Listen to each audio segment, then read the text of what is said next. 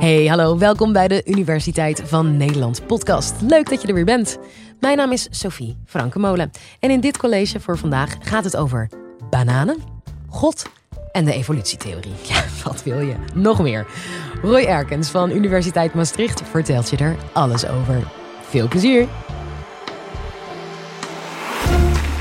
Dit is de Universiteit van Nederland. Ik zou daar mee, maar mee uitkijken wat je daar zegt. Dat is een opmerking die ik wel eens heb gekregen naar aanleiding van een lezing zoals deze. Iemand uit het publiek maakte mij duidelijk dat al dat gepraat over evolutie toch eigenlijk nergens goed voor was en dat ik daar wel eens problemen mee zou kunnen krijgen. Soms open ik mijn mailbox en dan zijn er mensen die mij datzelfde vertellen, die in minder vriendelijke bewoordingen mij uitleggen dat evolutie toch echt Ehm, ja, maar een beetje nonsens is en dat ik me daar vooral niet mee zou moeten inlaten. De grootste verrassing die ik ooit vond, dat was niet in mijn mailbox, maar in mijn postvak, was dit boek. Uh, dit boek is gestuurd gratis aan heel veel hoogleraren en docenten in Europa. En het enige doel van dit boek eigenlijk is om aan te tonen dat evolutie niet bestaat. Ik zal eens een voorbeeld laten zien hoe dit boek is opgebouwd. Hier bijvoorbeeld ziet u een plaatje van een kever, een fossiele kever, twee fossiele kevers. Nou, zegt hij, dit zijn fossiele kevers. Hier zijn we, zien we kevers vandaag de dag. Ja, er waren kevers, er zijn kevers. Ja, er is helemaal geen evolutie. Een ander voorbeeld. We hebben fossiele zeesterren. We hebben nog steeds zeesterren. Er is helemaal geen evolutie. Evolutie is gewoon een leugen. Allemaal flauwekul. Um, het probleem hiermee is, dit zou, je zou kunnen denken, dit is een serieuze poging om eens te laten zien of evolutie, eh, of, of, evolutie nou wel klopt, of om het aan de kaak te stellen op een wetenschappelijke manier. Het probleem van dit boek is dat het totaal oncontroleerbaar is. Er worden helemaal geen gegevens gegeven bij de fossielen. Ik kan helemaal niet zien wat het was um, eh, en controleren of het hetzelfde is. Ik heb collega's van mij die uh, wel experts zijn in verschillende groepen, die zeggen ja dat is leuk die plaatjes, maar de, de fossiele plaatjes waarvan zij het zeggen dat het dezelfde soort is, is totaal iets anders. Ja, het is een vis die er was en een vis van nu. Het zijn alle twee vissen, maar het zijn totaal andere soorten. Dus het is niet echt een heel serieuze poging. De enige poging is om eigenlijk het idee van evolutie in een kwaad daglicht te stellen. Sterker nog, als wij doorbladeren in dit boek, dan komen we in een paragraaf terecht die heet conclusies. Ja, nu lacht u nog. Maar op, als we kijken naar de conclusie van deze mensen, en ik vind dit een redelijk schokkende conclusie, die zeggen mensen die evolutie aanhangen, die hebben dit op hun geweten. Het aanhangen van evolutie leidt tot aanslagen. Darwinisten, uh, mensen die zeggen er draait om een strijd om het bestaan, uh, we moeten elkaar de kop inslaan, dat leidt tot terrorisme. En dit is de schuld dus van Darwinisten. Een redelijk vergaande conclusie. Maar het is wel een heel interessant punt, want waarom zijn er eigenlijk zoveel mensen die twijfelen aan evolutie of problemen hebben met het idee van evolutie. Waarom is dat nou voor sommige mensen zo controversieel en zelfs zo belangrijk dat ze er dikke boeken van drukken die ze de wereld rondsturen? Nou, het is een heel complex vraagstuk en iets wat ik niet kan, helemaal in alle facetten kan belichten in een kwartier. Maar ik wil eigenlijk drie aspecten noemen die ik vaak tegenkom. Um, het eerste aspect heeft te maken met de plaats van de mens op aarde. Als we kijken naar evolutie, en we kijken naar wat, het, uh, wat evolutie zegt over waarom mensen op aarde zijn, dan is het antwoord eigenlijk: we zijn op aarde omdat we er zijn. We zijn het blinde, we zijn het, het, het, het uh, resultaat van eigenlijk een blind, een beetje stuurloos proces van natuurlijke selectie, dat op ieder moment heeft geselecteerd wat goed werkte op dat moment.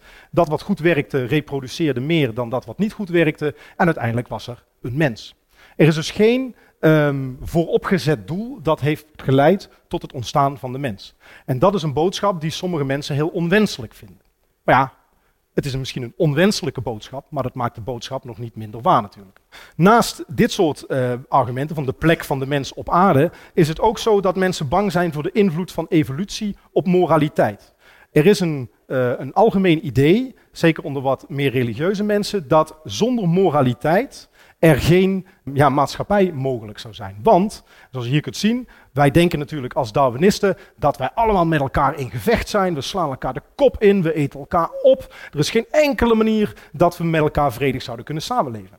Dus we worden heel immoreel als wij geen religie hebben. Dat is natuurlijk heel interessant, want dat zou betekenen, als we dat even wetenschappelijk zouden testen, als religieuze mensen moreler zijn dan niet-gelovigen, bijvoorbeeld de gevangenissen vol zouden moeten zitten met atheïsten en niet met religieuze mensen. Mensen die geloven zouden namelijk omdat ze moreel zijn minder criminaliteit begaan. Nou, dat klopt niet. Als we kijken naar de statistieken van wie er in gevangenissen zit, is er geen enkele relatie tussen gelovig zijn of niet gelovig zijn en hoeveel criminaliteit er is. Als je kijkt naar de acceptatie bijvoorbeeld van evolutie in Nederland, en het zijn cijfers van een aantal jaar geleden, is het zo dat 20% van de Nederlanders evolutie niet accepteert als verklaring voor de levende wereld. Ehm, als we uitgaan van 18 miljoen mensen, is dat 3,6 miljoen mensen. 15% is nog niet zo zeker. En 65% accepteert evolutie. Dat is nog steeds een redelijk hoeveelheid mensen die zeggen: evolutie is volgens mij niet de verklaring. Um, ondanks dat evolutie goed gedocumenteerd is. Er zijn ook bijvoorbeeld in 2004, zei Berlusconi bijvoorbeeld ook: we gaan evolutieonderwijs verbieden. Dat gaan we niet meer onderwijzen. Een paar jaar later zijn Poolse staatssecretaris dat evolutie een leugen was. Evolutie is een leugen, daar moeten we niet aan beginnen. Als we kijken naar de Verenigde Staten, dan zien we zelfs dat op sommige boeken waarschuwingsstickers worden geplakt. En hier zien we een waarschuwingssticker. Um, deze sticker zegt: This textbook contains material on evolution. Evolution is a theory, not a fact, and uh, regarding the origin of living things. This material should be approached with an open mind, uh, studied carefully and critically considered. Nou, in een eerste lezing klinkt dit heel redelijk, hè? want ja, je moet er maar eens even goed over nadenken voordat je het accepteert. Er zitten een paar problemen in. Um, evolution is a theory, not a fact. Nou, evolutie is zo goed gedocumenteerd, ik durf evolutie een feit te noemen. Evolutie is waar. Um, dus dat is het eerste probleem al. Het tweede probleem al is dat ze zeggen, het is een theorie. En dat idee van theorie, dat is wel een interessante. Want um, in het dagelijks leven is een theorie iets van, ja, het kan dit zijn, het kan dat zijn. Uh, pff, het is een beetje om het even. Wetenschappelijk gezien is dat niet zo. Een uh, wetenschappelijke theorie is een, um, eigenlijk iets wat alle uh, feiten en gebeurtenissen die je ziet verklaart en die voorspellingen kan maken over wat te verwachten. Dus theorieën laten ons zien hoe goed wij de wereld begrijpen. Alle wetenschappers willen theorieën. We zijn allemaal op zoek naar theorieën. Dat is wat wij construeren, want door middel van een theorie begrijpen wij de wereld. Dus het idee van het is maar een theorie, dat is eigenlijk een beetje een rare argument. Het is ook een raar argument omdat niemand zou roepen zwaartekracht, zwaartekracht, oh, dat is maar een theorie. De theorie van de zwaartekracht. Dat zou niemand roepen. Maar voor evolutie is het blijkbaar anders. Heel vaak gaat het trouwens goed. De meeste mensen kunnen uh, religie en wetenschap eigenlijk prima uit elkaar houden. Ik wil dat illustreren aan een voorbeeld. Stel je voor, je hebt zin om parachute te springen. En je gaat omhoog, je zit op 4 kilometer hoogte, de deur gaat open en de instructeur zegt zo. We gaan zo springen, ik heb hier twee parachutes. Deze parachute, daarvan is aangetoond, dat die wetenschappelijk aangetoond, dat die werkt. Deze parachute, daar moet je van geloven dat die werkt. Kies er maar één. Nou, de meeste mensen, ik denk wel dat ik weet welke parachute zij zouden kiezen. En dat geeft wel aan dat over het algemeen het zo is dat uh, mensen eigenlijk prima wetenschap en niet-wetenschap uit elkaar kunnen houden. Nou, het laatste uh, punt dat ik wil bespreken is het punt van perfectie. Um, als je, zeker de, um, de wat meer traditioneel en letterlijk gerichte religieuzen, die zeggen, de, God schiep de wereld, zoals beschreven in de Bijbel, met alle soorten daarin, en hij schiep de mens naar zijn evenbeeld. Dat betekent dat soorten perfect zijn, soorten perfect zijn aangepast aan hun omgeving. En de mens moet zeker perfect zijn, want de mens is geschapen naar het evenbeeld van God. Als de mens imperfect zou zijn, zou betekenen dat God imperfect zou zijn. Dus er moet een hele hoge mate van perfectie zijn. Als we kijken naar de levende wereld met een blik van evolutie, dan verwachten we net heel veel imperfectie. Evolutie gaat over afstamming met modificatie. Dat betekent het ene wordt omgesleuteld in het andere. Een vis wordt omgesleuteld tot een landdier. Dat betekent dat je het moet doen met wat er is. En dat betekent dat het geen mogelijkheid is om perfecte structuren te maken. Er kunnen allerlei rare dingen in lichamen zitten. Um, daar wil ik een aantal voorbeelden van um, um, laten of noemen. Het eerste wat ik wil bespreken is eigenlijk de menselijke geboorte. Ik weet niet wie er al kinderen heeft, of wie plant om kinderen te krijgen, die moet zijn oren maar even dicht doen. Uh, maar de, de menselijke geboorte is een nogal pijnlijk proces. Niet heel erg prettig en ook heel erg gevaarlijk. In het verleden stierven heel veel moeders, maar ook kinderen, als het gevolg van een verkeerd gegane geboorte. Die geboorte is zo pijnlijk omdat kinderen moeten door het geboortekanaal en het geboortekanaal loopt door het bekken. Nu is het zo dat mensen een relatief groot hoofd hebben gekregen in de evolutie. Um, ons hoofd is veel groter dan bijvoorbeeld dat van de naaste verwanten, de apen. Maar groot hoofd, als gevolg van grote hersenen, betekent ook dat de baby een groot hoofd heeft. Dat betekent dat er selectiedruk is voor het wijder worden van het bekken. Want een wijder bekken betekent een makkelijkere geboorte. Probleem is alleen, als er selectie is voor een wijder bekken, dat betekent dat het bekken wijder wordt, dat vrouwen zo zouden gaan lopen. En dat loopt niet zo fijn.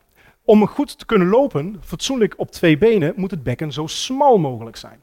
Dus het hele construct van geboren worden door een bekken en fatsoenlijk rechtop kunnen blijven lopen, dat is een beetje, ja, daar, daar, is maar een beetje een compromis in gezocht. Ehm, dat past eigenlijk niet zo goed. Dus je kunt je afvragen, nu je dit weet, ja, ehm, wat is een, natuur, een natuurlijke geboorte? We moeten op een natuurlijke manier geboren worden, want ja, zo heeft de natuur dat bedacht. Je vraagt je af, zou het niet gewoon veel makkelijker kunnen?